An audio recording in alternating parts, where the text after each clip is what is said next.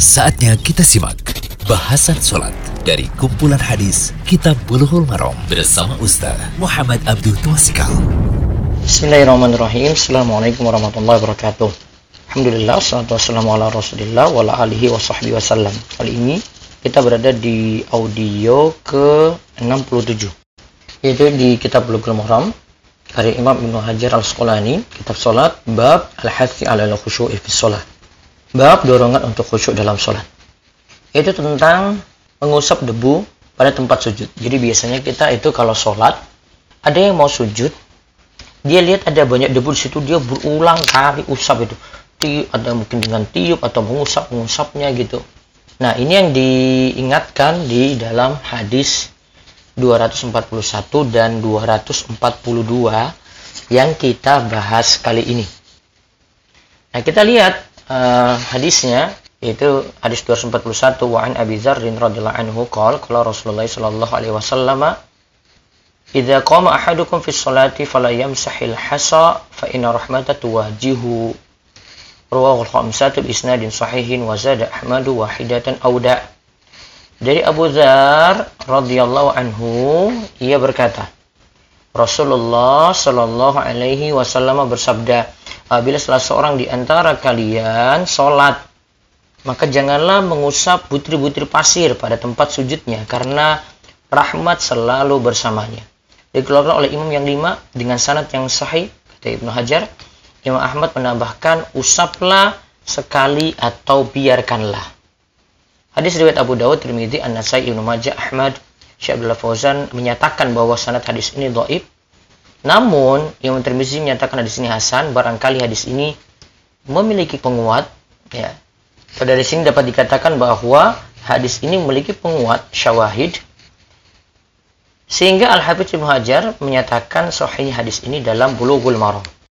Dalam hadis 242 disebutkan fi sahihi an Mu'aikibin nahwuhu bi ghairi ta'lilin yaitu dalam Sahih Bukhari dari Mu'aikib ada hadis yang serupa dengannya tanpa menyebutkan ta'lil atau alasan yaitu tidak dilanjutkan dengan kalimat fa innar rahmata tuwajihu. Uh, di sini riwayat Bukhari nomor 1207 dan Muslim nomor 546. Faedah hadis yang dimaksud al-hasa dalam hadis adalah butiran kecil atau debu biasa ditemukan pada tempat sholat atau tempat sujud yang kedua, disebutkan alasan baiknya tidak mengusap butiran pasir pada tempat sujud karena di hadapannya saat sholat ada rahmat. Rahmat ketika itu turun. Maka jangan disebutkan dengan hal seperti itu. Yang ketiga, orang yang sholat baiknya tidak menyibukkan diri dengan mengusap tanah pada tempat sujudnya. Hendaklah ia menghadap Allah ketika sholat dan berusaha khusyuk. Hendaklah ia sujud tanpa mengusap-usap tanah.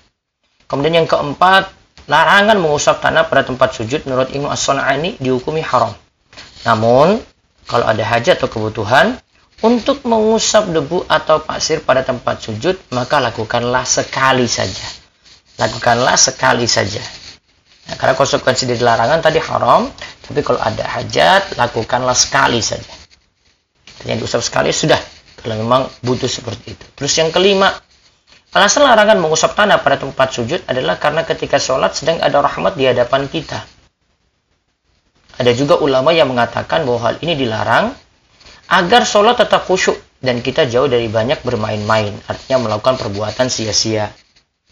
Yang keenam, termasuk dalam hal ini adalah terlarang mengusap dahi dan hidung di tengah sholat.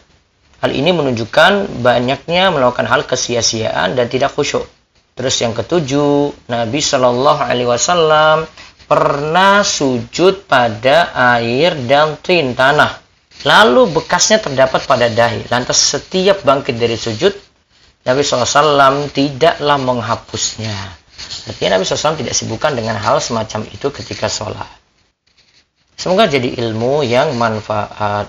Allah Demikian bahasan sholat dari kumpulan hadis Kitab Buluhul Marom bersama Ustaz Muhammad Abdul Tuasikal.